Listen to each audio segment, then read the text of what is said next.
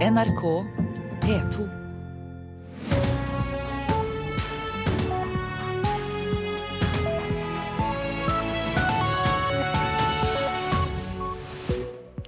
Velkommen til Nyhetsmorgen denne første dagen i desember. Klokka er 6.30 i studio nå, Anne Jetlund Hansen, og dette er hovedsakene våre den neste halvtimen. Flere unge voksne enn tidligere begynner å spare til pensjon. Det er lurt å sørge for å ha penger når du skal nyte pensjonstilværelsen, mener banksjef Gunn Wærstedt i Nordea. Det er lenge siden pensjonistene så for seg at de skulle sitte i en gyngestol og lese avisen og strikke. Redd Barna mener det er merkelig at Telenor godtar at barn jobber for selskapet i Myanmar. Vi forventer vel egentlig mye mer av et stort norsk eh, statlig selskap. Og helgens salmemaraton vekker oppsikt internasjonalt, siden fredag har norske kor sunget hele salmeboka i strekk på direktesendt fjernsyn. Og i går kveld så kom de i mål. Nesten en tredel av Nordeas pensjonssparere er under 30 år. For fem år siden var det nesten ingen unge som sparte til pensjon i banken. Men ikke alle prioriterer pensjonssparing så tidlig. Det får vente til jeg får rynker, sier 20 år gamle Agnes Leinum fra Oslo. Når tenker du at det vil være normalt å begynne å bekymre seg for sånne ting som pensjon? Når jeg får rynker og sånn. Nei, i hvert fall ikke ennå. Jeg stresser ikke så veldig med det. Nei, jeg forbinder pensjon med noe som kommer seinere i livet. Nå... Men de unge har begynt å spare til alderdommen. Og at flere gjør det, får 23 år gamle Endre Valdal fra Kristiansand til å tenke pensjon. Eh, da tenker jeg, er det så mange som gjør det? Da bør du kanskje tenke på det. Fem år tilbake utgjorde unge voksne bare fire av hundre personer som sparte til pensjon i Nordea. Nå er nesten én av tre pensjonssparere i banken under 30 år. Og banksjef Gunn Wærsted i Nordea er nesten litt forundret. Jeg må si jeg ble positivt overrasket da jeg hørte tallet, men jeg syns jo det er veldig bra. Ja, jeg sparer én gang i måneden. Eller et, et fast beløp i måneden på 500 kroner. Ja, det har jeg gjort i et år. Katrine Brudal fra Tønsberg er ennå student. Men i motsetning til mange andre unge voksne, er 24-åringen godt i gang med å forberede alderdommen. Ja, det er jo litt ålreit uh, å vite det at jeg faktisk har tatt det steget som jeg vet mange andre ikke har. Og rett og slett tenke litt langsiktig og ikke så kort, da, som mange unge gjør nå. Men samtidig er du student? Ja. Men så, altså når man jobber og og gå på skolen, så har man alltid noe penger man kan sette av. så altså, så lenge, man vet om at det skjer, så er det veldig enkelt å spare. Eh, så lenge man liksom setter av penger akkurat til det man får studielånet f.eks. Så det er jo penger man ikke ser. Og Nordeas banksjef Gunn Wærsted sier flere burde gjøre som henne. En tredjedel av de som kjøper pensjon, er under 30 år. Det er kjempebra. Det som er dessverre også en sannhet, er at den store flertallet av de unge ikke sparer til verken til pensjon eller til andre ting. Det burde de begynne med så raskt som mulig. Men er ikke det noe dere bankene sier bare for at vi skal plassere penger hos dere? Det er klart, Vi syns jo det er interessant å, å, at dere plasserer penger hos oss, men vi som bank har jo også en ambisjon om å være en god rådgiver for kunden, og dette er faktisk en veldig god rådgivning. Jeg er redd for at det er veldig mange som kommer til å oppleve som pensjonist at de har mindre penger enn det de føler de trenger, og skulle hatt, og kanskje da angrer seg for at man ikke var litt mer forsiktig i yngre dager. Fordi ambisjonene for pensjonistlivet begynner å bli store? For å si det litt enkelt, det er lenge siden pensjonistene så for seg at de skulle sitte i en gyngestol og lese avisen og strikke. Nå skal de reise verden rundt, de skal gjøre ting sammen med barnebarn og venner osv. Og, så og det er klart, det koster. Reportere her var Hedvig Bjørgum og Anne Mone Nordahl. Påtalemyndigheten ønsker at mannen som er siktet for falsk forklaring i forbindelse med at en 22 år gammel kvinne ble meldt savnet i Sogndal, skal fengsles for fire uker. Derfor blir avgjørelsen om ti dagers varetekt anket til lagmannsretten, skriver VG. Veronica Heggheim Stegegjerde ble meldt savnet i slutten av oktober, og ble funnet død for litt over to uker siden. Telenor legger seg på en minstestandard når de godtar barnearbeid i Myanmar. Det sier kommunikasjonssjef Line Hegna i Redd Barna. Hun er overrasket over at Telenor sier det er greit at 13-åringer jobber for dem, så lenge de ikke jobber med hardt og farlig arbeid. Vi forventer vel egentlig mye mer av et stort norsk eh, statlig selskap. Og så vidt jeg vet, så er Telenor Eh, tilsluttet FNs eh, Child Rights Business Principles. Og Der forplikter bedriftene seg til å bidra til å utrydde barnearbeid, og ikke ansette barn i noen type eh, arbeid. Det sa Line Hegna i Redd Barna.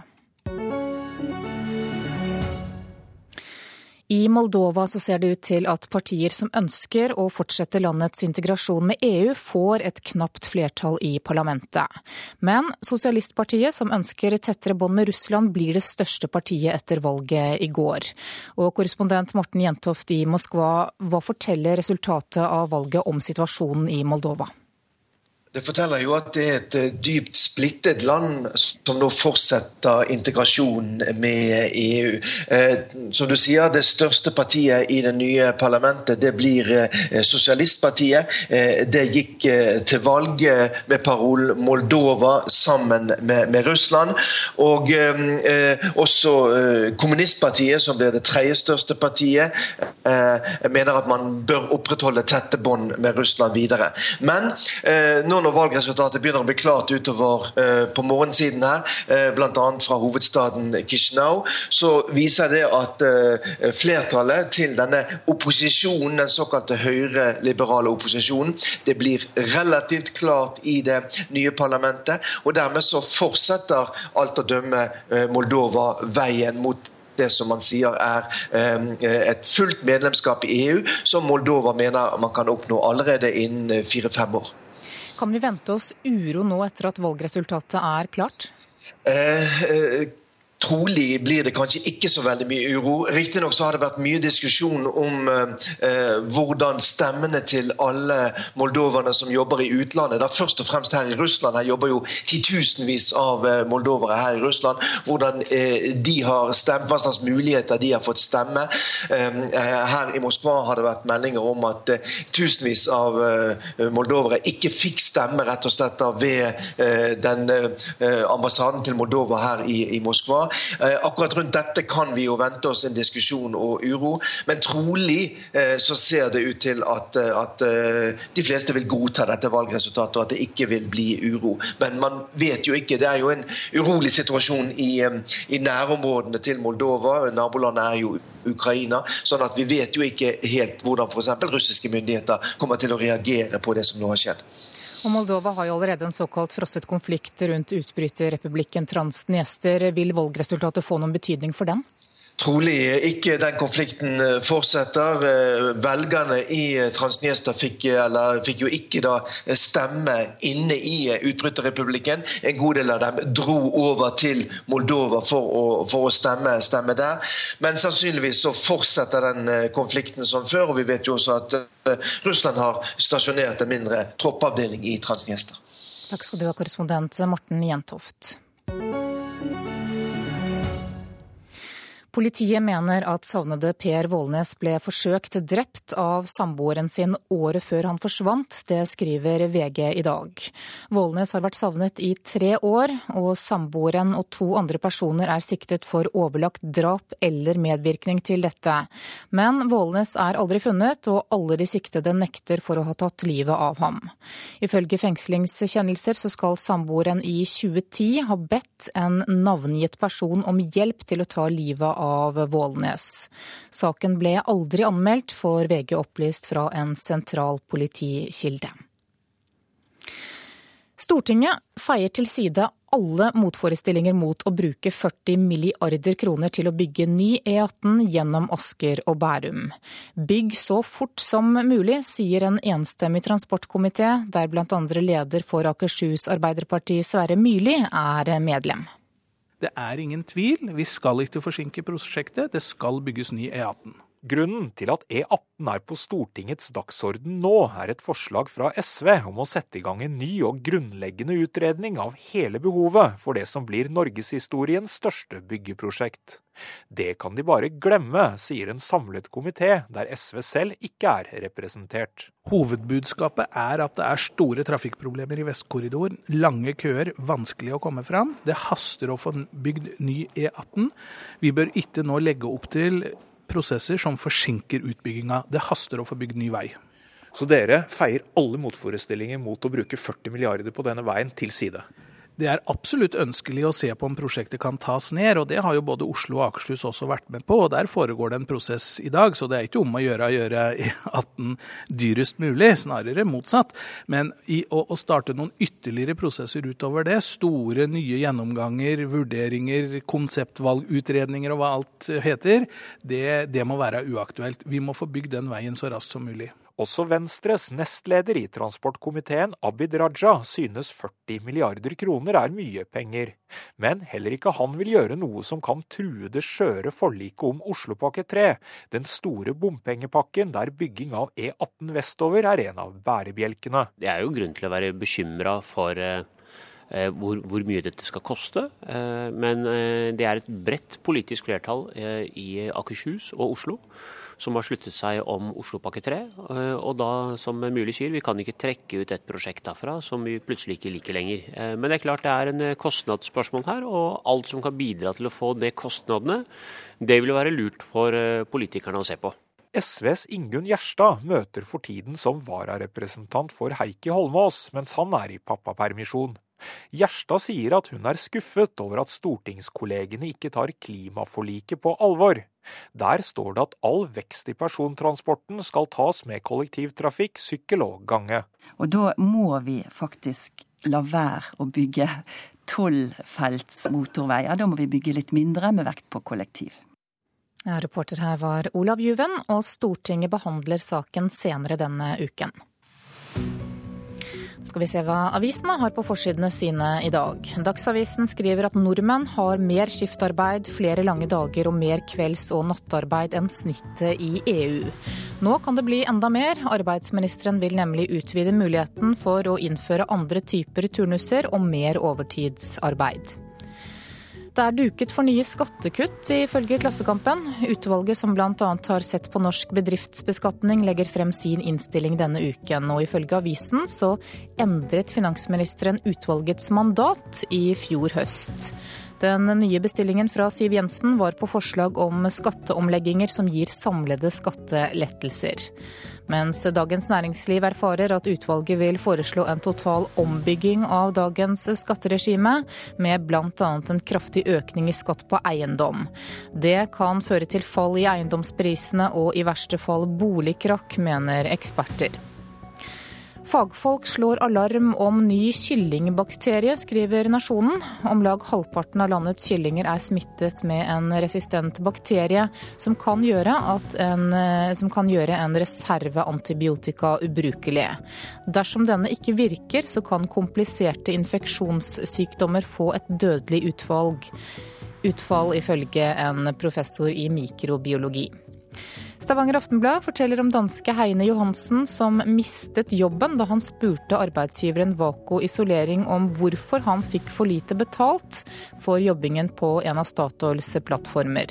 Statoil sier at selskapet ikke aksepterer at underleverandører ikke overholder regelverket, men hovedansvaret ligger likevel hos oljeselskapet, mener Petroleumstilsynet. Bergens Tidende forteller at nedturen i oljebransjen får ringvirkninger. Clarion Hotell Bergen Airport markedsfører seg nå i større grad overfor offentlig sektor, etter at oljekundene er blitt eh, færre. Og nå frykter Nav en videre økning i ledigheten. 5000 menn får prostatakreft hvert år, og en MR-undersøkelse som kan redde liv, blir nå standard fra nyttår, skriver Aftenposten. Og dersom du ikke fikk med deg hvem som vant virkelighetsdramaet Farmen på TV i går, så får du svaret både i VG og Dagbladet i dag, som har satt av forsiden og tre sider hver inne i avisen. Skal vi ha sport i Nyhetsmorgen, og nærmere bestemt langrenn. Marit Bjørgen og Justine Kowalczyk sier at de har en jobb å gjøre, og det er å ta igjen Therese Johaug. På gårsdagens 10 km klassisk i verdenscupåpningen i Finland var Johaug suveren, og både Bjørgen og Kowalczyk sier at de nå må jobbe for å komme på hennes nivå. Så glad var Therese Johaug for gårsdagens seier og maktdemonstrasjonen med vinnertiden som var 42 sekunder foran Marit Bjørgen. Det er klart 42 sekunder er veldig mye. Og 1 minutt og 3 sekunder foran Justina Kowalczyk. De to er harde konkurrenter og ikke verdens beste venner, men nå har de én ting til felles. Å ta igjen forspranget Johaug har i formen. Ja, det, det er klart eh, Det er jo bare å gjøre riktige tinga framover. Det det kan jo fort snuse, det. fordi om eh, hun, Det er klart 42 sekunder er veldig mye. Det er det, men eh, det kan snu fort, og så får vi se til helga. Jeg drar til Lillehammer, og der må jeg trene godt for å ta igjen forspranget. Jeg trenger noen konkurranser for å komme i toppform, så jeg tar det skritt for skritt, sier Kowalczyk. Første sjanse er i verdenscupen på Lillehammer til helgen, og Therese Johaug vet godt at resultatene der kan bli annerledes. Det svinger fort i det gamet her, og allerede neste helg er det andre distanser. og eh, Folk kanskje trenger skirenn på å komme i form. og ja. Så, men jeg tenker meg i hvert fall en veldig god følelse. Hva, hva, er det viktig å fokusere på nå? det er viktig, viktig, å roe seg ned, restituere seg godt og slappe av godt mellom slagene. Gå skikkelig rolig på langturer. Reporter her, det var Geir Elle. Du hører på Nyhetsmorgen nå. Klokka er 6.46, og dette er hovedsakene våre. Flere unge velger å prioritere pensjonssparing. Telenor legger seg på en minstestandard når de godtar barnearbeid i Myanmar, mener Redd Barna. Og følg oss videre, så skal du få høre at musikkterapi hjelper mot psykose, ifølge forskere.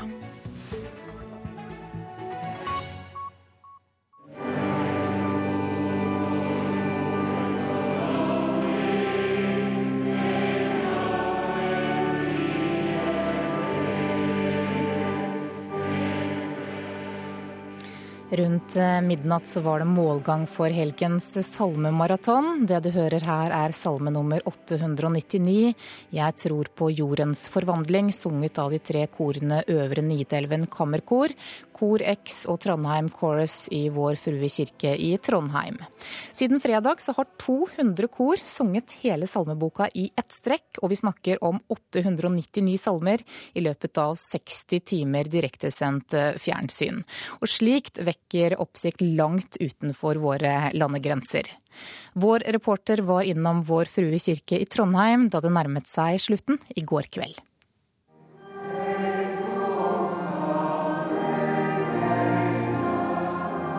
Klokka er blitt litt før ni søndagskvelden, og det er blitt byenes sesonglag sin tur i Vår Frue kirke. Tusenvis følger de på fjernsynet, andre sitter på første benk og hører på. Jeg syns det er koselig. Trivelig. Ja.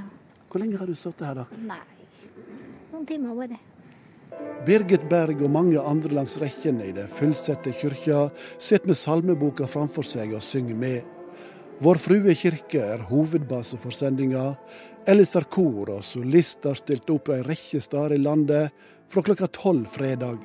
For salmesang tvers gjennom salmeboka. Akkurat nå vi, har vi ca. 50 salmer igjen. Og det går så utrolig bra, altså. Helge Gudmundsen er NRKs salmemann personlig. Totalt sett, når vi har sunget de neste 50 salmene, så er vi oppe i eh, ca. 200 kor. Og 3000-4000 korsangere. Si meg, du har drevet med salmer i ei årrekke i NRK.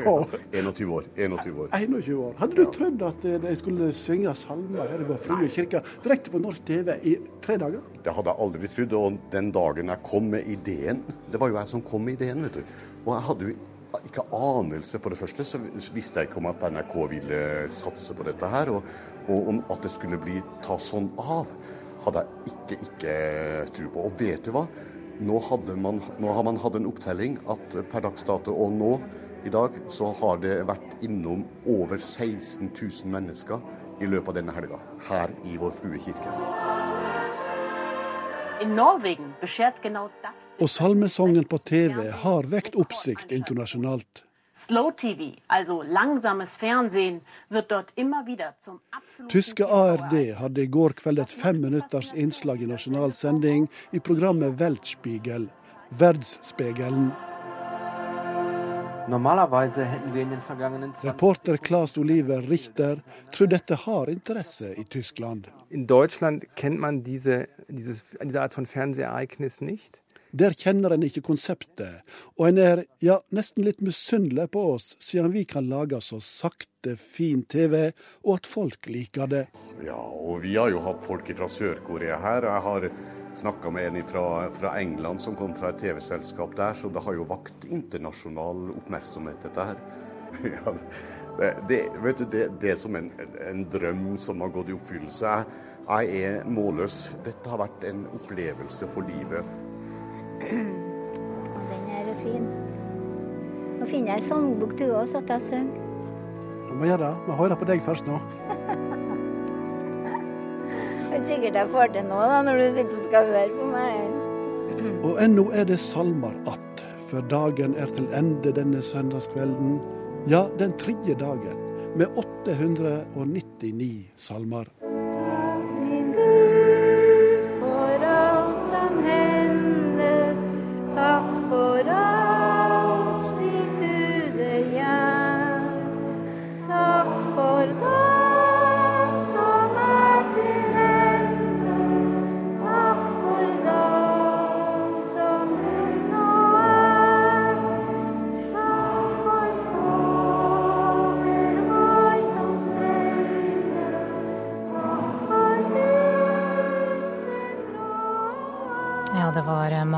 Magnar Brandseth som var reporter i Vår Frue kirke.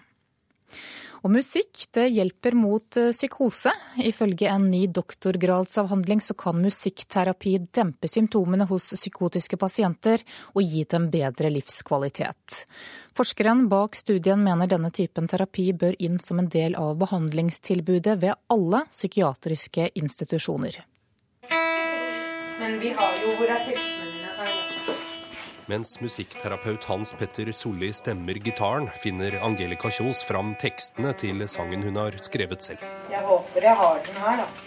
Hun har slitt med rusproblemer og psykoser, og har vært til behandling i flere år. Musikken er eh, en av de største verktøyene i mitt liv for å klare å koble ut og slippe å tenke på alt det vonde.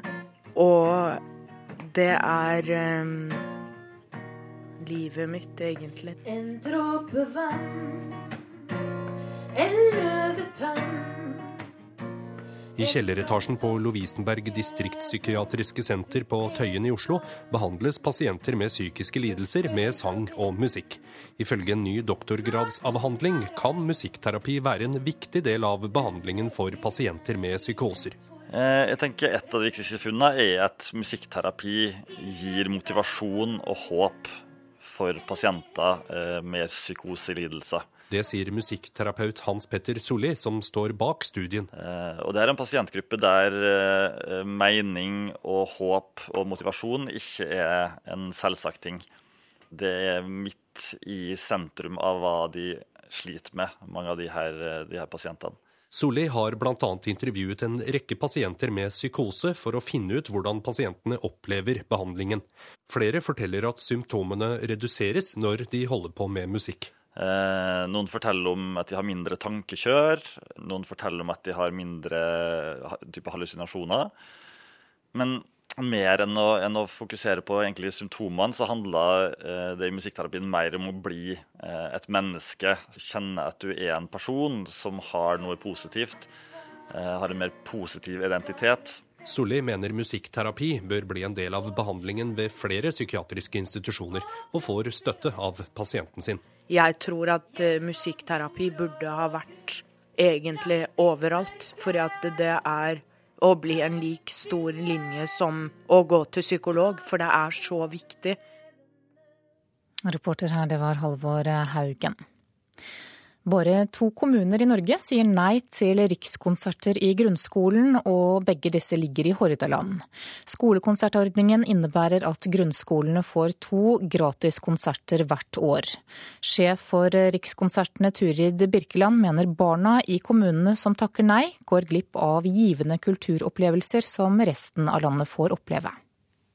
Eh, for ungene så betyr dette et eh, dårligere kulturtilbud, ganske enkelt. Slipp meg inn!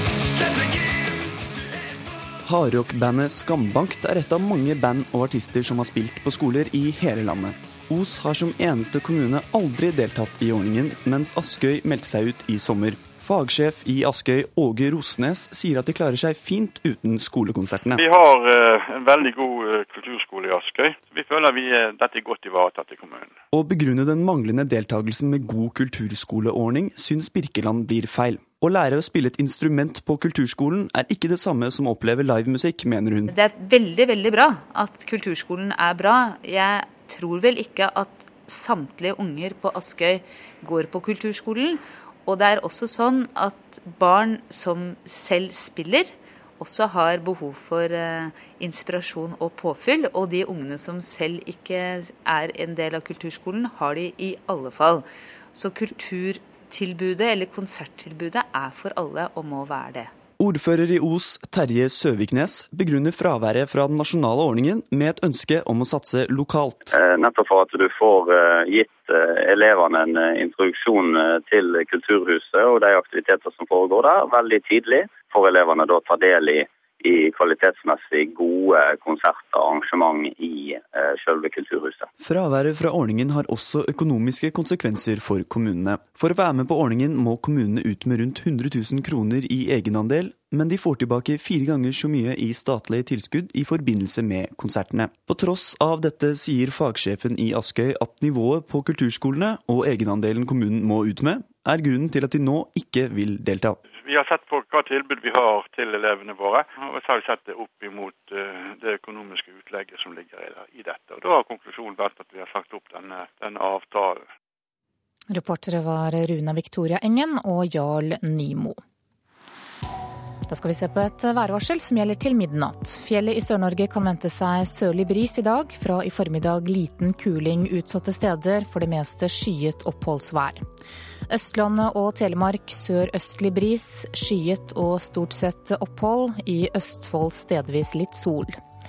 Agder kan vente seg sørøstlig bris i dag, til dels frisk bris på kysten. Liten kuling vest for Lindesnes. Skyet og stort sett oppholdsvær. Rogaland sørøstlig stiv kuling utsatte steder og oppholdsvær. Hordaland sørøstlig liten kuling utsatte steder, økende i formiddag til stiv kuling på kysten og stort sett oppholdsvær. I kveld sørlig stiv kuling på kysten, regn, snø i indre og høyere strøk. Sogn og Fjordane må belage seg på sørlig liten kuling utsatte steder i dag. På kysten økende til sterk kuling, til dels full storm ved Stad. Fra sent i formiddag etter hvert regn, først på kysten, og snø i indre og høyere strøk. Møre og Romsdal økning til sørlig liten kuling utsatte steder. Fra i ettermiddag opp i sterk kuling ytterst på kysten av Sunnmøre. Oppholdsvær og i kveld litt snø i sør og regn i ytre strøk. Trøndelag økning til sørøstlig liten kuling utsatte steder. Oppholdsvær og i kveld litt regn på kysten. Nordland sørøstlig liten kuling utsatte steder. I kveld stiv kuling ytterst i Lofoten. Tilskyende oppholdsvær og i kveld litt snø eller sludd. Troms kan vente seg sørøstlig liten kuling utsatte steder. For det meste pent vær og i kveld tilskyende. Finnmark sørøstlig frisk bris. Utsatte steder i vest stiv kuling. For en stor del pent vær, men på vidda og i øst mer skyet. Og på Nordensjøland på Spitsbergen er det ventet sørøstlig liten kuling utsatte steder i dag. Fra i ettermiddag sterk kuling og delvis skyet opphold. Så tar vi med temperaturene som ble målt klokka fire. Da hadde Svalbard lufthavn minus fire grader, Kirkenes minus sju, Vardø minus én, Alta minus fire, Tromsø minus én, Bodø én, Brønnøysund, Trondheim, Molde og Bergen alle tre. Stavanger fire. Kristiansand fem. Gardermoen minus to. Lillehammer null. Røros minus tre. Og Oslo-Blindern null grader.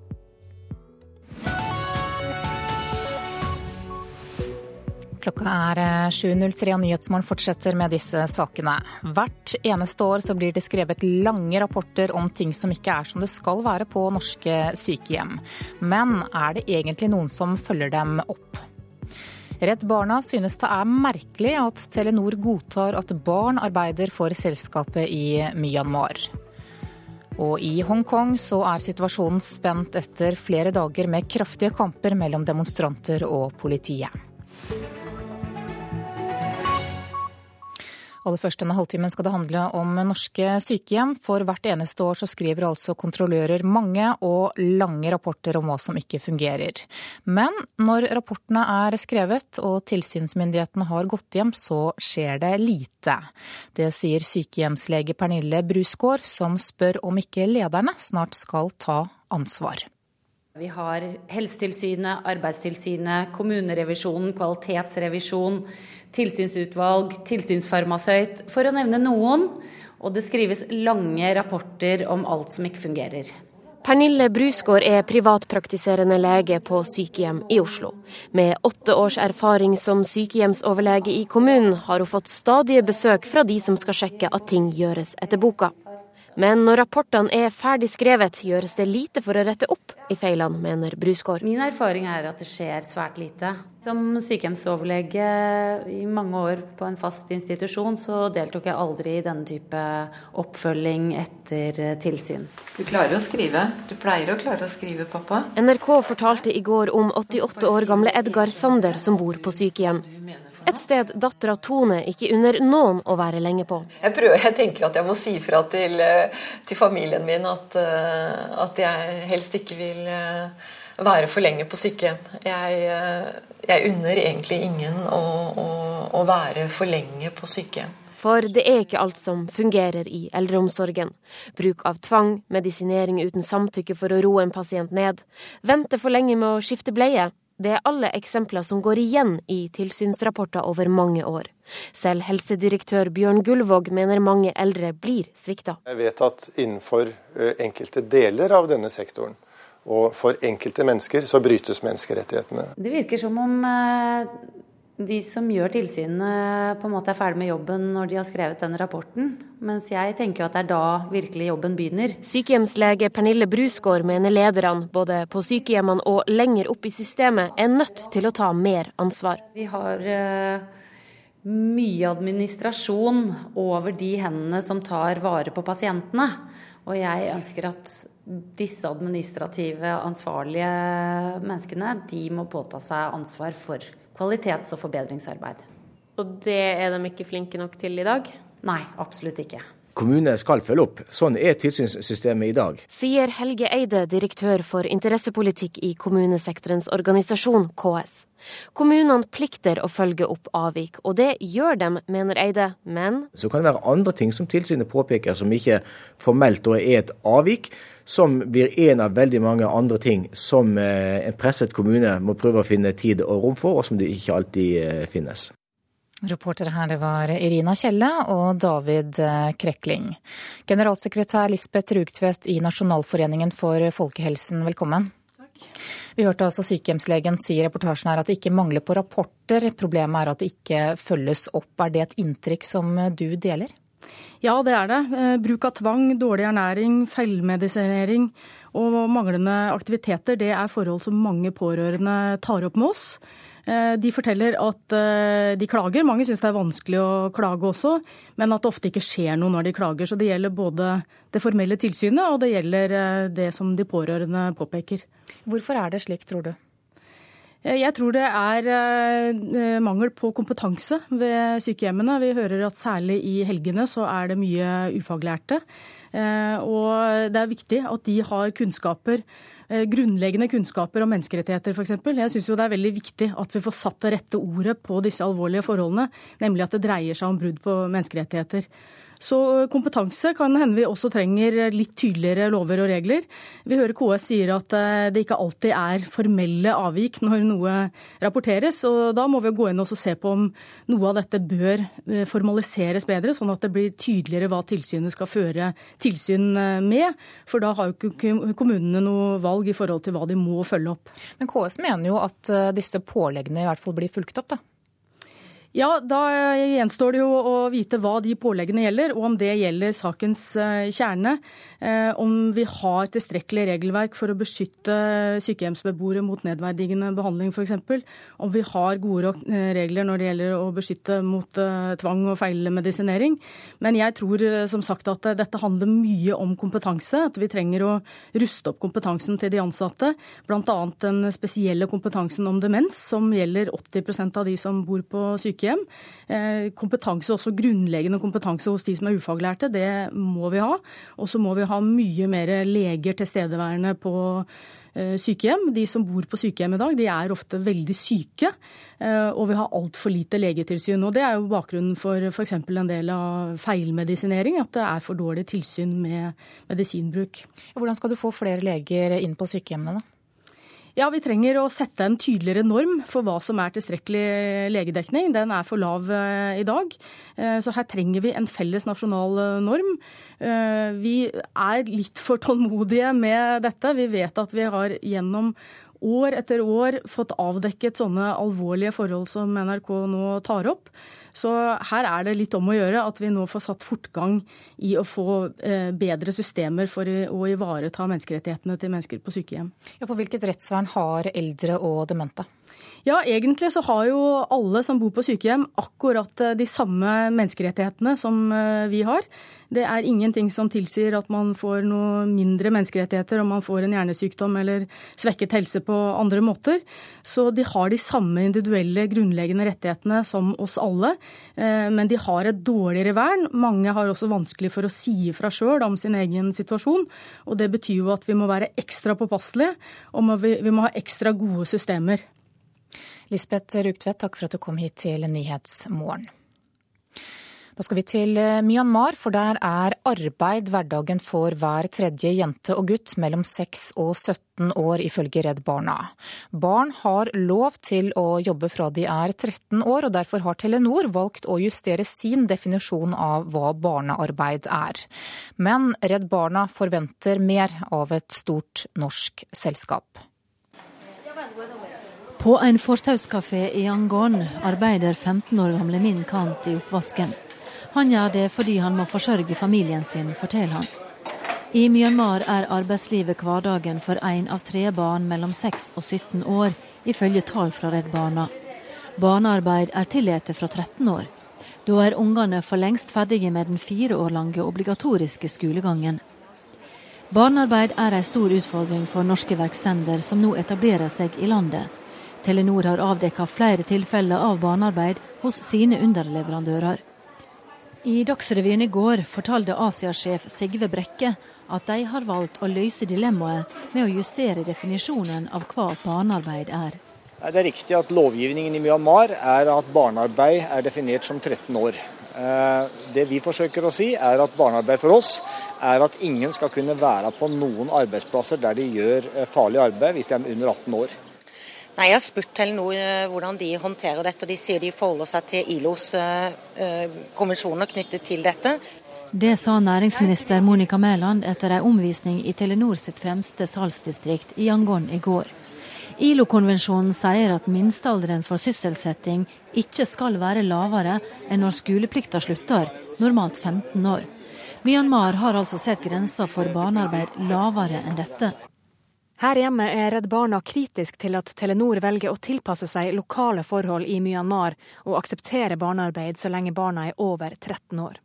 Kommunikasjonssjef Line Hegna sier Telenor legger seg på en minstestandard. Vi forventer vel egentlig mye mer av et stort norsk eh, statlig selskap. Og så vidt jeg vet, så er Telenor eh, tilsluttet FNs eh, Child Rights Business Principles. Og der forplikter bedriftene seg til å bidra til å utrydde barnearbeid, og ikke ansette barn i noen type eh, arbeid. Telenors regel om at barn kan jobbe så lenge det ikke er hardt arbeid, kommer til å bli vanskelig å følge opp i praksis. De kan helt klart eh, forvente og oppleve at barn som jobber på deres anlegg, faktisk jobber med hardt og skadelig arbeid. Med mindre de har, uh, setter i gang uh, gode, gode mekanismer for å følge opp forhindre at det skjer. Så det er en stor risiko for Telenor, helt klart, eh, og for alle andre bedrifter som går inn på å akseptere barnearbeid. Hegna i Redd Barna forventer at Telenor har forberedt seg og laga systemer for å ivareta barna, og på sikt bidra til å utrydde barnearbeid i Myanmar. På fritida har 15 år gamle Min Kant tilbud om deltidsskole i regi av Telenor. Det er også en måte for selskapet å takle dilemmaene de møter i et land med helt andre regler enn vi er vant til. Reportere var Kari Stokke Nilsen og Kristi Marie Skrede. Et offentlig utvalg foreslår høyere skatt for boligeiere. Hensikten er å finansiere kutt i selskapsskatten, det skriver Dagens Næringsliv. Utvalget, som ledes av SSB-direktør Hans Henrik Scheel, skal overlevere sin innstilling i morgen. Hensikten med å redusere selskapsskatten er å gjøre norsk næringsliv mer konkurransedyktig. Men utvalget fikk klar beskjed av den rød-grønne regjeringen om at forslagene i sum ikke skulle redusere statens skatteinntekter. Dersom utvalget foreslår å kutte selskapsskatten og inntektsskatten fra 27 til 20% som Dagens Næringsliv erfarer, betyr det henimot 80 milliarder kroner i tapte skatteinntekter. Den regningen må noen betale, og Scheel-utvalget foreslår at det blir boligeierne. De foreslår økt boligskatt, økt skatt på næringseiendom og på hytter og fritidseiendommer. I tillegg går de inn for at folk må skatte av utleieinntekter i egen bolig, som i dag er skattefritt hvis man selv bruker minst halve boligen. Det var forventet at utvalget ville foreslå å skjerpe boligbeskatningen. Nå gjenstår det å se om politikerne tør å følge opp. Og Finansdepartementet ba i fjor høst utvalget vurdere også samlede forslag som gir netto skattelettelser. Reporter her, det var Katrin Hellesnes. Klokka er 7.15 nå, du hører på Nyhetsmorgen. Dette er hovedsakene våre. Det vrimler av rapporter om mangler i eldreomsorgen, men de blir ikke fulgt opp, sier sykehjemslege. Flere unge voksne sparer til pensjon nå enn tidligere. Og følg oss videre. Dersom du vil unngå krangling i julen, så bør du ta noen grep allerede nå, ifølge familieterapeut. I Hongkong så er situasjonen spent etter flere dager med kraftige kamper mellom demonstranter og politi. Flere tusen aktivister forsøkte i går å ta seg inn i flere regjeringsbygg, og politiet svarte med tåregass. De presset seg frem, bevæpnet med metallstenger og treskjold til taktfaste rop om fri bane inn gikk de flere tusen demonstrantene mot regjeringskvartalet i Hongkong. Rett utenfor ventet en mur av politi som svarte med tåregass og batongslag. Sammenstøtene i går kveld kom etter flere dager med uroligheter. Mens de store folkemassene har valgt å avslutte demonstrasjonene, har en hard kjerne av studenter bitt seg fast i gatene. I forrige uke rev politiet en av leirene deres. Rundt 120 demonstranter ble arrestert, blant dem to av lederne bak demokratiprotestene. Demonstrantene forlanger at kommunistledelsen i Beijing tillater en demokratisk nominasjonsprosess før valget av ny leder i Hongkong i 2017. Kravet har blitt kontant avvist, og protestene har etter hvert mistet støtte i Hongkongs befolkning. Med angrepet mot regjeringskvartalet kan protestene være på vei inn i en ny konfronterende fase. Studentene har varslet at de ikke har noen planer om å gi seg. Det sa reporter Petter Auli Hauge. Nå skal vi direkte til deg, Asia-korrespondent Peter Svaar. Hva betyr det at demonstrantene nå angriper regjeringskvartalet i Hongkong? Ja, Dette skjedde etter at lederne for studentbevegelsen gikk på talerstolen eh, rett utenfor eh, regjeringskontorene i Admiralty i går kveld Hongkong-tid og oppfordret til en blokade.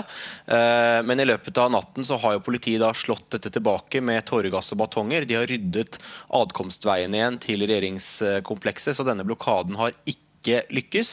Og det har også vært eh, noen elementer her blant demonstrantene som har eh, blitt observert med, med, jernstenger, som vi hørte i reportasjen, og som har hatt eh, en, et, et, større vilje til å, konfrontasjon enn det flertallet av disse fredelige studentdemonstrantene til nå har hatt. Ja, hvor spent er situasjonen nå? Dette har vært den mest dramatiske natten i Hongkong siden sist politiet brukte tåregass mot demonstrantene i stor skala, som var den 28.9. Det meldes om om lag 40 40 skadde i natt, blant dem også enkelte politifolk. Men det er for det meste snakk om lettere skader. Men det at politiet bruker tåregass og batonger mot egen befolkning, oppleves i Hongkong som svært dramatisk. Eh, det har før denne høstens protester vært nesten helt uhørt. Og det var også slik maktbruk som mobiliserte hundretusener ut i gatene helt i starten av eh, oktober, hvor mange vel så mye protesterte mot eh, politiet. Så det spennende nå blir jo hva som vil bli responsen denne denne gang om denne eh, nattens uro også vil mobilisere eh, nye ut i gatene. Hvis, ikke, så vil den harde kjernen av studenter som fortsatt er igjen, eh, være stadig mer isolert. Og mange er også åpent frustrert nå i morgentimene over egne ledere som har ledet dem inn i denne mislykkede aksjonen. Hvilke muligheter har demonstrantene videre? Dette er en protestbevegelse som nå på mange måter har ryggen mot veggen. De var over 100 eh, 000 i gatene på et tidspunkt, men mange har gitt opp. Det er en hard kjerne igjen nå. De er også veldig internt splittet. Lederne for Occupy-bevegelsen, med Benny Tai i spissen, planlegger å melde seg for politiet denne uken. Andre, og eh, særlig blant studentlederne, vil gjøre det stikk motsatte. De vil øke temperaturen i gatene. Spørsmålet er hvilke andre virkemidler de kan bruke nå. Eh, for noen dager siden nektet Kina en gruppe britiske parlamentarikere innreise til Hongkong. De kommer fra utenrikskomiteen i Underhuset og skulle undersøke om den britisk-kinesiske samarbeidserklæringen er brutt. Det er en avtale britene mener er juridisk bindende i 50 år etter den kinesiske overtakelsen, hvor Kina da har signert på at Hongkongs politiske frihet skal ivaretas. Eh, den gruppen har altså fått beskjed om at de ikke får eh, visum. og Spørsmålet nå for demonstrantene er jo hva som egentlig er veien videre hvis eh, dette gateslaget nå går mot slutten. Hva slags støtte har demonstrantene i befolkningen i Hongkong? Den er nedadgående av flere grunner. Rundt 80% av de spurte nå på meningsmålingene sier at demonstrantene bør gå hjem. Mange har tapt mye penger på blokaden fordi det har gått utover omsetning, hoteller, transportnæring. Hongkong er jo fastlandskinas kjøpesenter på mange måter. Og så er det også mange i Hongkong som mener at demonstrantene nå bør velge en ny strategi. At blokaden etter to måneder har utspilt sin rolle. At det trengs en ny aksjonsform som ingen helt vet hvordan eh, ser ut. Takk skal du ha, Asia-korrespondent Peter Svaar. 50 000 soldater i den irakiske hæren viser seg å være oppdiktede, men har likevel fått utbetalt lønn. Pengene har havnet i lommene til korrupte offiserer, melder Al-Jazeera. Mange av de irakiske soldatene det utbetales lønn for, er enten drept i kamp eller har desertert fra hæren uten at de overordnede har oppgitt dette. Fem danske overleger er siktet for å ha underslått rundt 6,7 millioner kroner i forskningsmidler.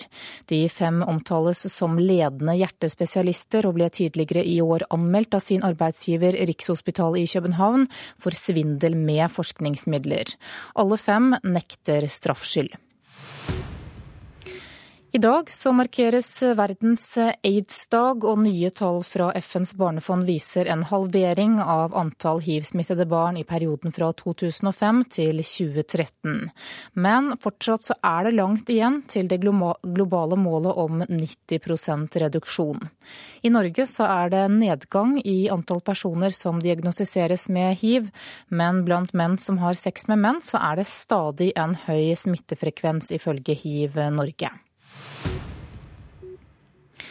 Skal vi høre at lavere oljepris er godt nytt for oppdrettsnæringen. Fredag ettermiddag så steg lakseprisen med 10% Og Daglig leder Ole Kristian Kjellbakk i salgsselskapet Polar Quality i Bodø sier at salget går svært godt.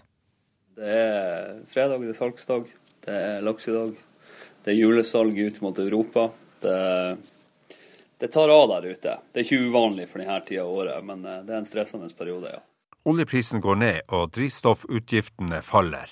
Det gir bedre økonomi for oppdretterne, og når den norske krona svekkes, blir det billigere å selge norsk fisk til utlandet.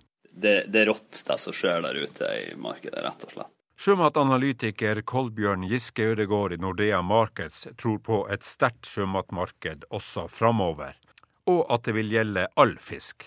Dette her gjelder hvitfisk, dette her gjelder sild og makrell, eh, dette her gjelder laks og ørret. Så dette her gjelder over hele fjøla.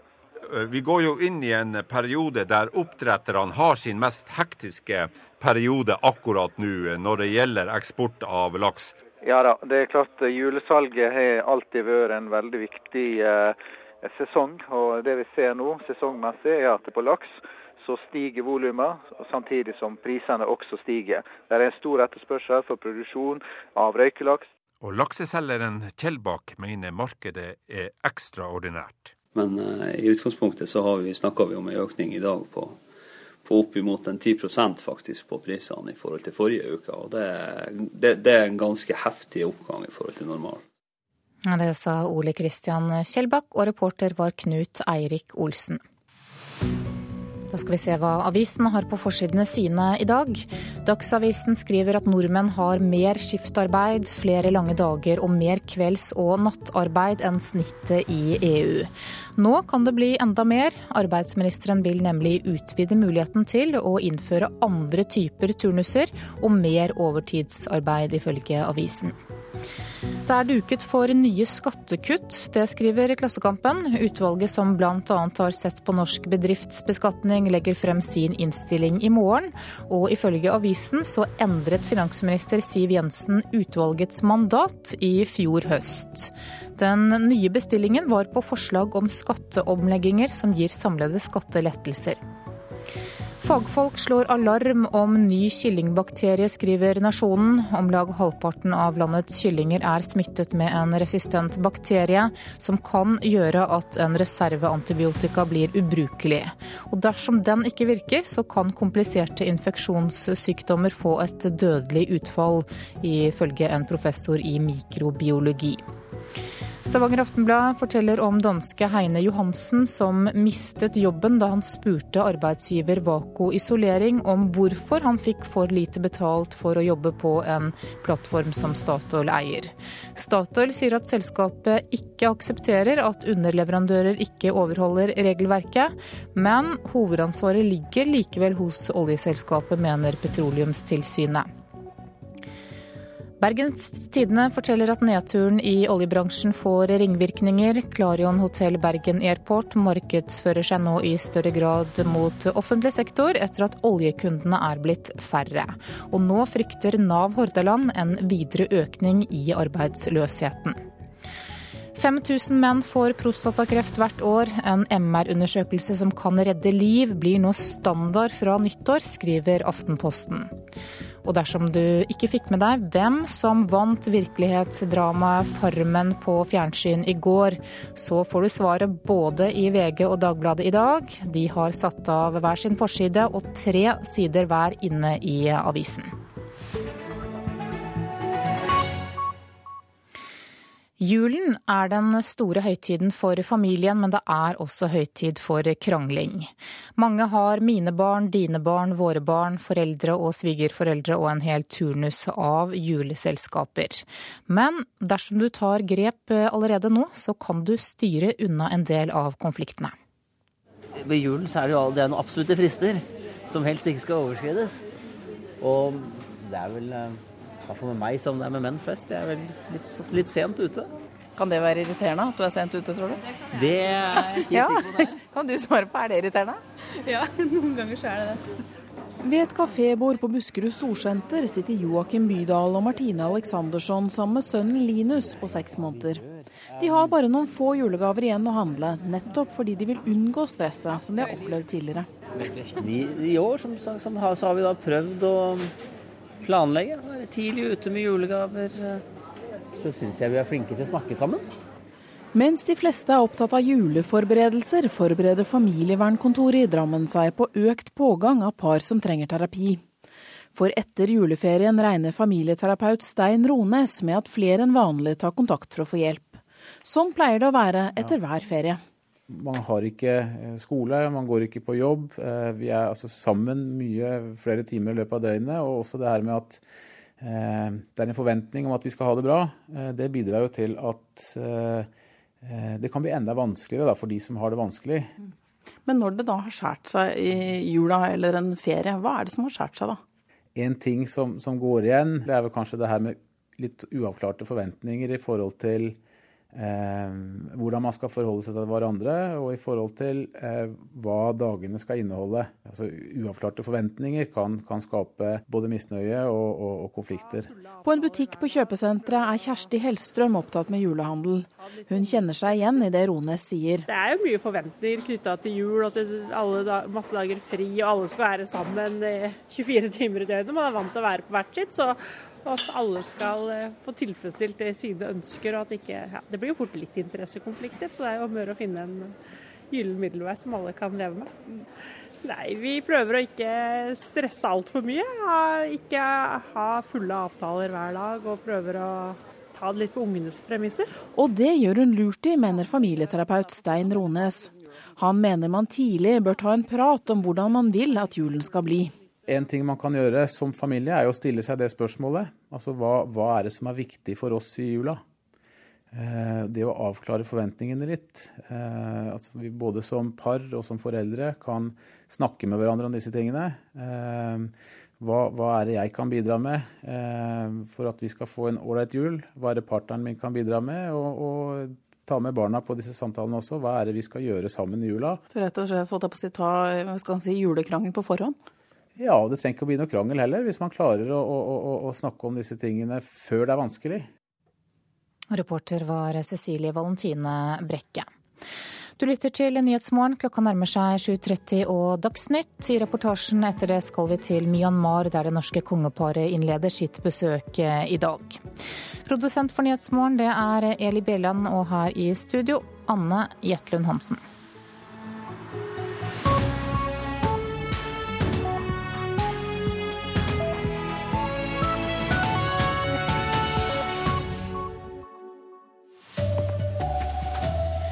Er skrevet mange rapporter om hva som er galt i eldreomsorgen, men det følges ikke opp, sier sykehjemslege.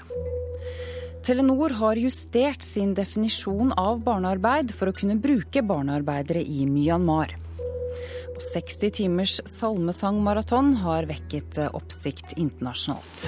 God morgen, her er NRK Dagsnytt klokken 7.30. Norske sykehjem tar hvert år imot en rekke kontrollører og tilsyn som skriver mange og lange rapporter om hva som ikke fungerer. Men når rapportene er skrevet og tilsynsmyndighetene har gått hjem, fortsetter sykehjemmene som før. Det sier sykehjemslege Pernille Brusgaard, som ber lederne ta ansvar. Vi har Helsetilsynet, Arbeidstilsynet, kommunerevisjonen, kvalitetsrevisjon, tilsynsutvalg, tilsynsfarmasøyt, for å nevne noen. Og det skrives lange rapporter om alt som ikke fungerer. Med åtte års erfaring som sykehjemsoverlege i kommunen har Pernille Brusgaard opplevd besøkene fra de som skal kikke hun og kollegaene hennes i kortene. Feil og mangler skrives ned i lange rapporter, men blir fort glemt, sier Brusgaard. Min erfaring er at det skjer svært lite. Det virker som om eh, de som gjør tilsynene på en måte er ferdig med jobben når de har skrevet den rapporten. Mens jeg tenker at det er da virkelig jobben begynner. Du klarer å skrive. Du pleier å klare å skrive, pappa. NRK fortalte i går om 88 år gamle Edgar Sander og om det som ikke går så bra i norsk eldreomsorg. Bruk av tvang, overmedisinering, for lang tid mellom bleieskift. Det er alle eksempler som går igjen i tilsynsrapporter over mange år. Jeg tenker jo at kvalitetsarbeid er et lederansvar. Sier Pernille Brusgaard. Internt på sykehjemmet, internt i kommunene. Kommunene skal følge opp. Sånn er tilsynssystemet i dag. Sier Helge Eide, direktør for interessepolitikk i kommunesektorens organisasjon KS. Kommunene plikter å følge opp avvik, og det gjør dem, mener Eide, men Så kan det være andre ting som tilsynet påpeker som ikke formelt er et avvik, som blir en av veldig mange andre ting som eh, en presset kommune må prøve å finne tid og rom for, og som det ikke alltid eh, finnes. Reportere Irina Kjelle og David Krekling. Og generalsekretær i Nasjonalforeningen for folkehelsen, Lisbeth Rugtvedt, mener også at problemet i eldreomsorgen er at feil og mangler ikke følges opp. Ja, det er det. Eh, bruk av tvang, dårlig ernæring, feilmedisinering og manglende aktiviteter, det er forhold som mange pårørende tar opp med oss. Eh, de forteller at eh, de klager. Mange syns det er vanskelig å klage også, men at det ofte ikke skjer noe når de klager. Så det gjelder både det formelle tilsynet og det gjelder eh, det som de pårørende påpeker. Telenor bør ha gode systemer på plass for å ivareta barna når de nå godtar at 13-åringer jobber for dem i Myanmar. Det sier Redd Barna. I Myanmar er arbeid hverdagen for hver tredje jente og gutt mellom 6 og 17 år. På en fortauskafé i Yangon arbeider 15 år gamle Min Kant i oppvasken. Han gjør det fordi han må forsørge familien sin, forteller han. Barnearbeid er en stor utfordring for norske virksomheter som nå etablerer seg i landet. Telenor har avdekket flere tilfeller av barnearbeid hos sine underleverandører. I Dagsrevyen i går fortalte Asiasjef Sigve Brekke at de har valgt å løse dilemmaet med å justere definisjonen av hva barnearbeid er. Det er riktig at lovgivningen i Myanmar er at barnearbeid er definert som 13 år. Eh, det vi forsøker å si, er at barnearbeid for oss er at ingen skal kunne være på noen arbeidsplasser der de gjør eh, farlig arbeid hvis de er under 18 år. ILO-konvensjonen sier at minstealderen for sysselsetting ikke skal være lavere enn når skoleplikta slutter, normalt 15 år. Her hjemme er Redd Barna kritisk til at Telenor velger å tilpasse seg lokale forhold i Myanmar. Kommunikasjonssjef Line Hegna sier Telenor legger seg på en minstestandard. Vi forventer vel egentlig mye mer av et stort norsk eh, statlig selskap. Og så vidt jeg vet, så er Telenor eh, tilsluttet FNs eh, Child Rights Business Principles. Og der forplikter bedriftene seg til å bidra til å utrydde barnearbeid, og ikke ansette barn i noen type eh, arbeid. Reportere her var Kristi Marie Skrede og Kari Stokke Nilsen. Nesten en tredel av Nordeas pensjonssparere er under 30 år. For fem år siden var det nesten ingen unge som sparte til pensjon. Men blant studenter i Oslo er ikke pensjonssparing på agendaen. Det forventet jeg for rynker, sier 20 år gamle Agnes Leinum fra Oslo. Når tenker du at det vil være normalt å begynne å bekymre seg for sånne ting som pensjon? Nei, får rynker og sånn. Nei, i hvert fall ikke ennå. Jeg stresser ikke så veldig med det. Nei, jeg forbinder pensjon med noe som kommer seinere i livet. Nå... Men de unge har begynt å spare til alderdommen. Og at flere gjør det, får 23 år gamle Endre Valdal fra Kristiansand til å tenke pensjon.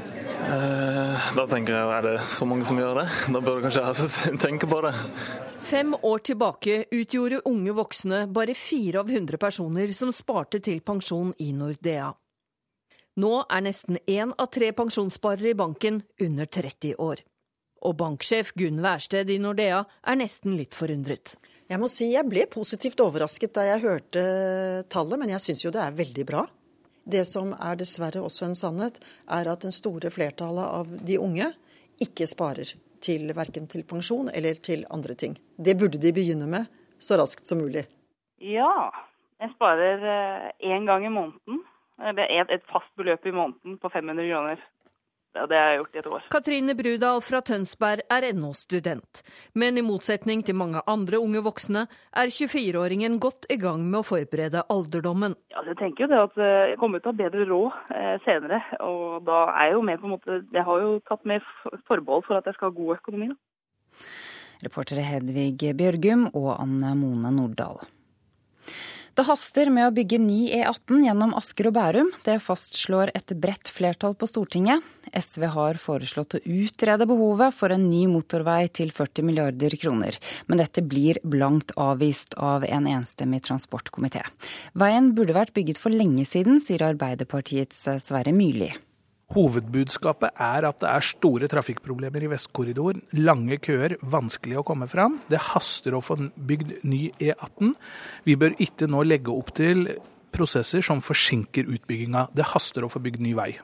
Ja, og Stortinget behandler eh, saken senere denne uken. De norske alpinistene er i storslag. For til tross for at eh, Aksel Lund Svindal er ute med skade, så har Norge vunnet tre av fire renn i år. To av seirene tok Kjetil Jansrud i Lake Louise i helgen. Jeg føler jeg har eh, bra, hatt bra følelse her alle dager. Det er eh, det er ikke sånn at man våkner om morgenen og tenker det her er min dag. Men det var din dag, Kjetil, og det var de helg. To seire på to renn betyr full pott i sesongåpningen. Jeg er jo akkurat nå verdens beste alpinist, så det er uh, rått å vinne to dager på rad. Det sier NRK sin alpintekspert Marius Arnesen. Det har vært kjørt fire renn så langt i sesongen, ett i hver disiplin. Og Norge har vunnet tre av dem. Marcel Hirscher har vunnet verdenscupen sammenlagt tre år på rad.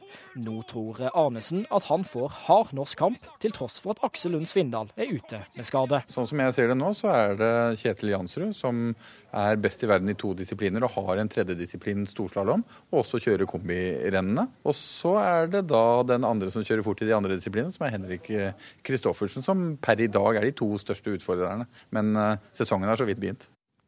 Reporter Henrik Agledal. NRKs salmestunt i helgen vekker oppsikt langt utenfor Norges grenser. Både journalister fra Europa og Asia har interessert seg for dette prosjektet. To minutter før midnatt kunne korsangerne endelig lukke salmeboken etter å ha sunget seg gjennom alle 899 salmene uten stans. Det tok 60 timer. Salmesongen på TV har vekt oppsikt internasjonalt.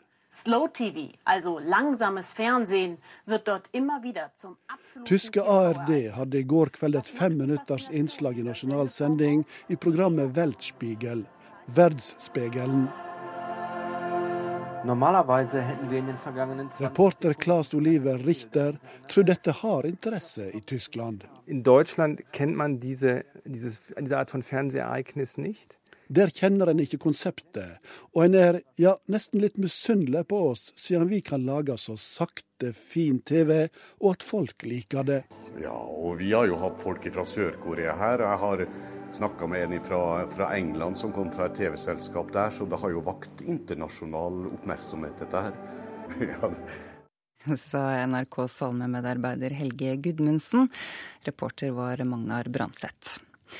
Det er Sven Gullvåg som er ansvarlig for Dagsnytt-sendingene denne morgenen. Teknisk ansvarlig Marianne Myrhol. Jeg heter Ida Creed.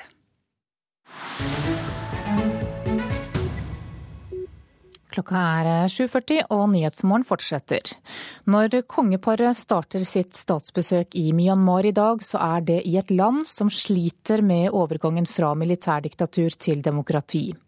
Reformprosessen har mistet fart, etniske konflikter blusser opp, og internasjonalt så tviler flere på om militæret vil stå til ansvar overfor en folkevalgt forsamling.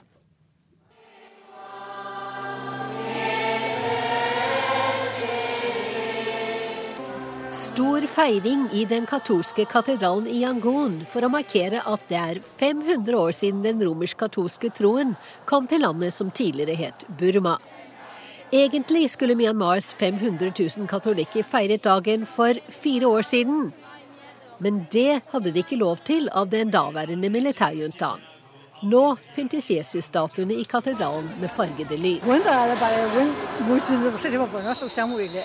Jeg er så lykkelig over å være her, og jeg takker Gud for at han har gitt oss muligheten til å feire denne begivenheten, sier 70 år gamle Myint Myint.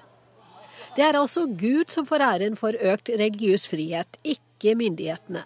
Militæret bestemmer fortsatt i det som oftest beskrives som et kvasi-sivilt styre og reformprosessen som åpnet for katolikkenes feiring fire år på etterskudd, ser ut til å ha stanset opp. Det står heller ikke så bra til med myndighetenes forsøk på å få til en landsomfattende våpenhvileavtale med de mange forskjellige etniske opprørsgruppene. Tvert imot, kampene har blusset opp igjen flere steder, særlig i delstaten Kachin i nord. Et annet sted i Yangon marsjerer flere hundre svartkledde mennesker stille gjennom gatene. Framme ved fredssenteret, som mekler mellom regjeringshæren og væpnede opprørsgrupper, legger de ned blomster og tenner lys for 23 drepte opprørere i Kachin. 19.11 slo hæren til mot en av treningsleirene til Kachins frigjøringshær, KIA. 23 kadetter ble drept i angrepet. FNs kontor for humanitære saker er bekymret for sivilbefolkningens situasjon. Det meldes om granatangrep i nærheten av områder der tusenvis av internt fordrevne sivile holder til. Utenfor vestkysten av Myanmar sitter 53 menn, kvinner og barn under en presenning på en liten båt. De er utmattet, sjøsyke og dehydrerte etter tre døgn på bølgen, ifølge båtens kaptein. De tilhører rohingya-folket, en muslimsk minoritet på én million som ikke anerkjennes som myanmarske statsborgere av det buddhistiske flertallet. Regjeringen i hovedstaden Naipito har fått internasjonal kritikk for sin behandling av rohingyaene. Flere hundre er drept i massakre. De blir systematisk utsatt for voldtekt og tortur, sier menneskerettighetsgrupper. 140 000 er drevet ut av sine landsbyer og internert i flyktningleirer. Dette er president Thein Seins talsmann Ye Tut. I intervjuet med australske SBS for et år siden innrømmet han at de etniske konfliktene er blant de største utfordringene i Myanmars vei fra militærdiktatur til demokrati. I det året som har gått, har håpet om en demokratisk utvikling i landet minsket betraktelig. Et enstemmig forslag i nasjonalforsamlingen om at opposisjonsleder Aung San Suu Kyi og andre parlamentarikere skulle møte presidenten og hærsjefen for å drøfte grunnlovsendringer, blir møtt med en meget kald skulder. Det er upraktisk, og det er lite trolig at samtalene vil finne sted sier presidentens talsmann. Reporter her, det var Wenche Eriksen. Klokka er 7.44. Du lytter til Nyhetsmorgen, og dette er hovedsakene våre. Det blir skrevet mange og lange rapporter om hva som ikke fungerer ved norske sykehjem, men rapportene blir ikke fulgt opp, sier sykehjemslege. Telenor har justert definisjonen av barnearbeid for å kunne bruke barnearbeidere i Myanmar. Redd Barna er overrasket og sier at de har større forventninger til et statlig norsk selskap. Og flere unge voksne sparer til pensjon nå enn tidligere. Klokka nærmer seg 7.45, og vi får Politisk kvarter ved programleder Fredrik Solvang.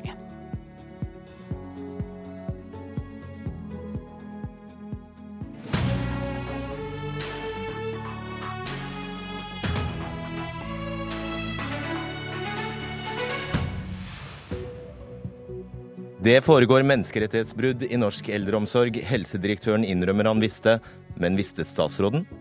Og ekspertene gir sine siste innspill til regjeringen i dag, før Jan Tore Sanner setter seg ned og tegner nytt kommunekart. God morgen og velkommen til Politisk kvarter. I går fikk Dagsrevyen seere med seg helsedirektør Bjørn Gullvåg, som sa dette. Det er grunn til bekymring. For også de helsearbeiderne som står i jobben, forteller om brudd på menneskerettigheter, og som forteller også om at eh, tjenestene ikke ytes på en tilstrekkelig forsvarlig måte. Helseminister Bent Høie, har også du sittet og sett på at menneskerettighetene har blitt brutt? Jeg har uh, veldig klare rapporter fra Helsetilsynet som uh, bekrefter uh, det inntrykket som òg kom fram på Dagsrevyen i, i, går. og Det er jo òg grunnen til at Høyre-Fremskrittsparti-regjeringen har sagt at eh, vi kan ikke bare overlate ansvar for å sikre kvalitet og kapasitet og kompetanse i eldreomsorgen til kommunene. Eh, staten òg må ta et større ansvar, og det er vi nå i gang med. Men menneskerettighetsbrudd? Ja, det som jo da skjer, er jo eh, at når f.eks. mennesker blir overmedisinert for å ikke skape uro på en avdeling, når folk holdes inne mot sin vilje, så er det brudd på menneskerettighetene. Og Derfor så eh, jobber vi nå veldig bredt med å eh, redusere dette og, og komme det til livs. fordi at eh, vi kan ikke ha det sånt. Jeg vet at veldig mange er fornøyd med tilbudet de får i eldreomsorgen. Eh, og mange plasser er det bra, men problemet er at det varierer for mye, og vi ikke føler oss trygge nok på at alle får et godt tilbud. Marit Lommedal Sæther, du er seniorkonsulent i Nasjonal institusjon for menneskerettigheter. Og I årbok om menneskerettigheter i Norge 2013 skriver dere gjennomgangen indikerer en svært alvorlig situasjon hvor det kan forekomme omfattende og til dels grove brudd på menneskerettighetene overfor eldre på norske sykehjem. Eh, Høie var innom det, men eh, hva slags menneskerettigheter er det her snakk om? Ja, Det er helt riktig som helseministeren eh, påpeker. Eh, I tillegg så eh, har vi eksempler på brudd på forsvarlige helse- og omsorgstjenester ved at eh, beboere ikke får nok mat, ved at det unnlates å gi hjelp til beboere, og at man venter med å gi bistand lenger enn nødvendig. Du har også de enda grovere menneskerettighetsbruddene med omsorgssvikt som resulterer i dødsfall. Eh, seksuell utnyttelse, tyveri, grov tvang og neglisjering, som vi heldigvis ser sjeldnere eh, enn de førstnevnte, men som eh, det også forekommer på norske sykehjem. Ingenting av dette er jo til å leve med. men det er jo helse- og omsorgstjenesteloven som ligger i bunnen her. Hvorfor, har man behov for, hvorfor føler dere behov for å stemple dette som menneskerettighetsbrudd? Ja, Du har både helse- og omsorgstjenesteloven og pasient- og brukerrettighetsloven. Eh, men vi ser jo at eh, lovgivninga ikke overholdes i praksis. Eh, vi trenger menneskerettighetene som minstestandarder i det norske samfunnet nettopp når du har en sånn type praksis. I tillegg så er menneskerettighetene et veldig godt utgangspunkt for å, ta, for å se på den enkeltes respekt og menneskeverd, som man i større grad bør ta i bruk, også i eldreomsorgen i Norge. Og da har du helt konkrete utfordringer til statsråden?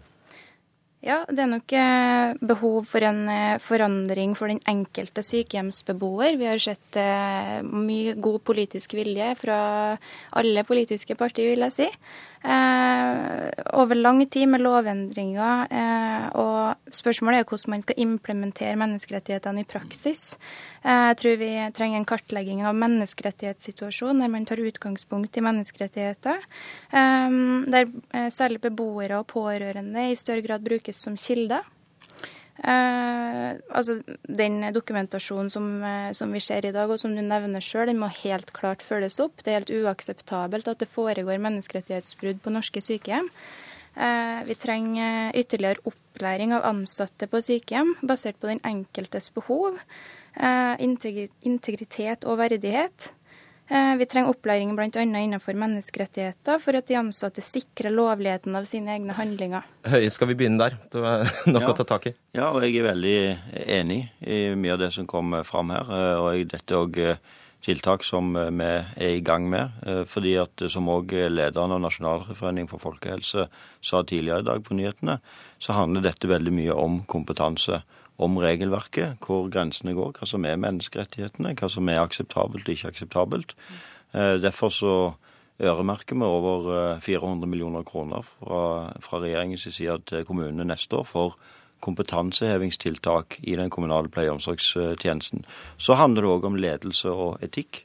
Eh, jeg ser nok at når jeg besøker mange institusjoner, og det gjør jeg gjennom året, så kan en ha institusjoner som har helt de samme rammevilkårene i de samme kommunene, men der det er ganske stor forskjell fra den ene institusjonen til den andre. Bl.a. pga.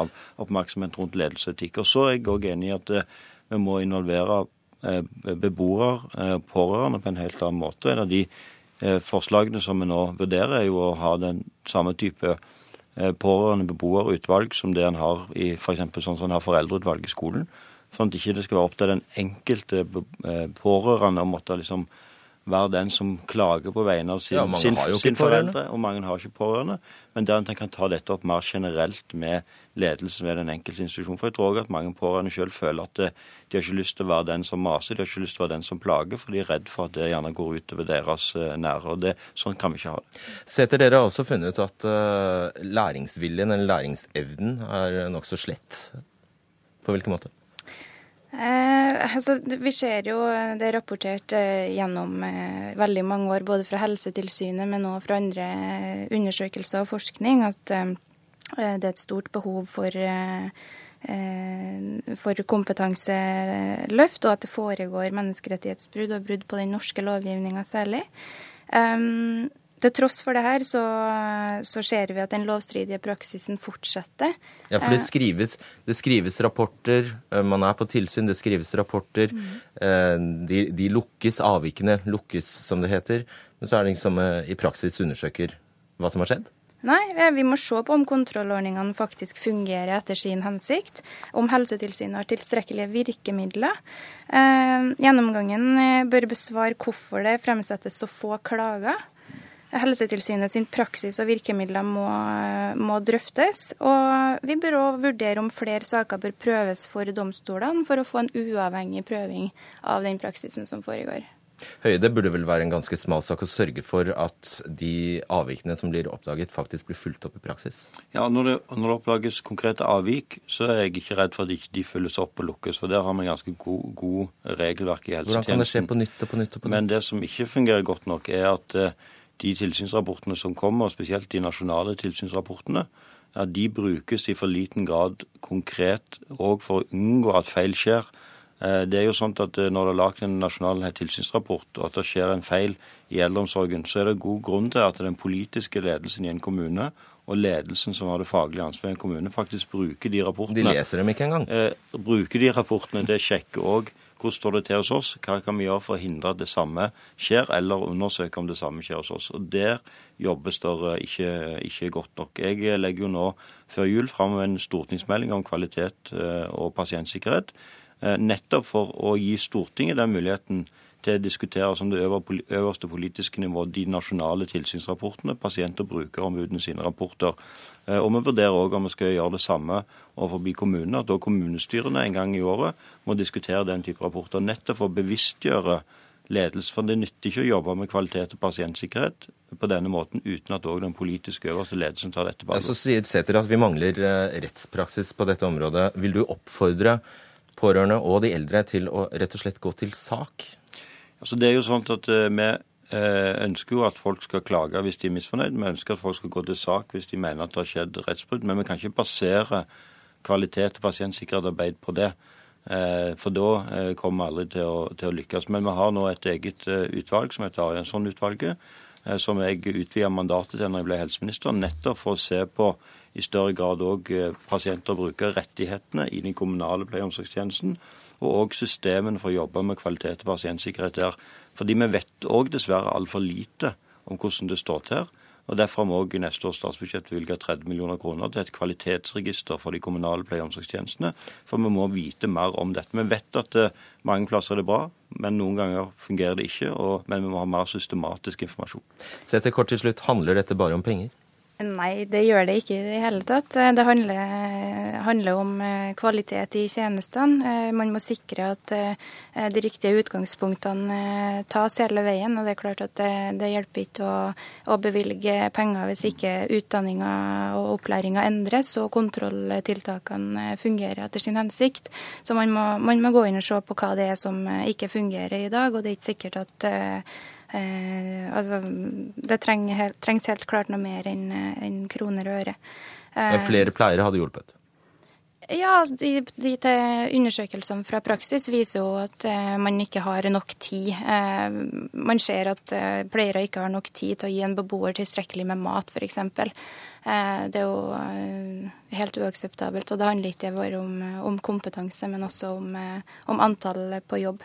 Og det handler jo ikke om, om, å basere det her på domstolsprøving. Vi har nesten ikke saker i rettsapparatet i dag. Så det handler jo ikke om at du skal ha en Eh, ja, veldig mange saker innenfor domstolen, men helt klart at eh, det ikke har fungert med endringer fram til nå. og Da mener jeg at vi må ha uavhengig prøving av eh, saken, og, og at vi i verste fall må opp til Menneskerettighetsdomstolen hvis, hvis vi ser at det ikke overholdes i praksis i Norge. Da lar vi det være en utfordring. Takk skal dere ha. Tusen takk.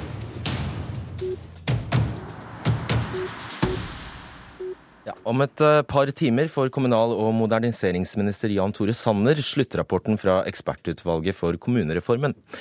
Og Sist vi hørte fra utvalget, var den klare anbefalingen at ingen kommuner bør ha mindre enn 15 000-20 000 innbyggere. Hvilket i tilfelle betyr en kjempeskrell i antall kommuner, siden halvparten av dem har under 5000 innbyggere i dag. Jan Tore Sanner, hva er det ekspertene skal gi deg råd om nå? Den første rapporten den uh, gikk jo gjennom hva kreves det for å ha ansvaret for de oppgavene som kommunen har ansvaret for i dag. Eh, den siste rapporten som vi mottar eh, i dag, eh, den handler om hva det eventuelt vil kreves for at kommunene kan få flere oppgaver. Jeg er veldig opptatt av at kommunereformen også skal være en innholdsreform. Og da er det viktig for oss å se hvor oppgavene kan løses best. Blir, får innbyggerne våre et bedre tjenestetilbud ved at flere oppgaver flyttes til kommunene? Og kan vi bidra til å styrke lokaldemokratiet ved at mer ansvar også blir liggende i kommunestyret? Eh, og da har du fått en liste med såkalte eksempler. Er det sånn det foregår? At du da kan eh, bestemme deg for om barnevernet hører hjemme i større kommuner, om skolene skal flyttes osv.? Ja, nå, nå, går jo regjeringen gjennom, eh, gjennom, oppgaver, og vi skal legge frem en sak for Stortinget i løpet av, av våren. Eh, men det er klart at ekspertutvalget, når de har sett på, eh, på, oppgaver, så har de nok også tatt for seg noen, noen, noen, oppgaver. Og vi vet jo at ansvaret for oppgaver i dag er veldig delt mellom kommune, fylke og stat. Du har barnevern som er fordelt mellom kommune og stat. Du har skole som er fordelt mellom kommune og fylke. Du har rehabilitering og mange oppgaver innenfor omsorg som som er fordelt mellom kommune og stat. Eh, og vi må se på om oppgaver kan løses bedre og innbyggerne kan få bedre tjenester hvis kommunene har et mer helhetlig ansvar.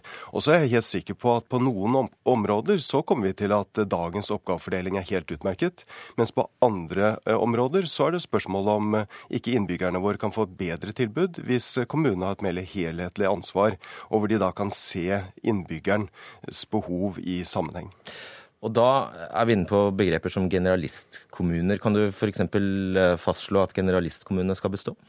Bare for å si hva generalistkommune ja. er først. Eh, for i dag så har vi jo den minste kommunen i Norge har 211 innbyggere, Utsira. Og så er det Oslo som har 630 000 innbyggere. Og i dag så er prinsippet at alle kommuner, uavhengig av størrelse, har nøyaktig det samme, samme ansvaret. Og det er klart at det er krevende, og det gjør at vi har fått et voldsomt omfang av interkommunalt samarbeid, hvor ansvaret er flyttet ut av kommunestyresalen for at innbyggerne skal få gode tjenester. Eh, det generalistkommuneprinsippet det har mange fordeler. For det betyr at helt uavhengig av hvor du bor, så har kommunen det samme ansvaret. Men det er noen utfordringer der. Eh, og det vi bl.a. ønsker å se på, det er om eh, noen store kommuner, noen større byer, kan få mer ansvar og flere oppgaver, slik som f.eks. Oslo har i dag. Og at de kan få flere oppgaver dess større de blir? Ja, Det er en av, en av, de utfordringene vi ønsker å se på. Jeg mener at uh, også i et distriktspolitisk perspektiv så kan det uh, ha mange fordeler knyttet til at vi har noen sterke tyngdepunkt ulike steder i, i, Norge. At du har noen byer som har flere oppgaver og mer ansvar. Men, men, her er det fordeler og ulemper, og det ønsker vi å se på frem til våren, det, hvor vi legger frem en sak for Stortinget. Og det får vi høre mer om i løpet av dagen. Det gjør vi. Hør flere podkaster på nrk.no podkast.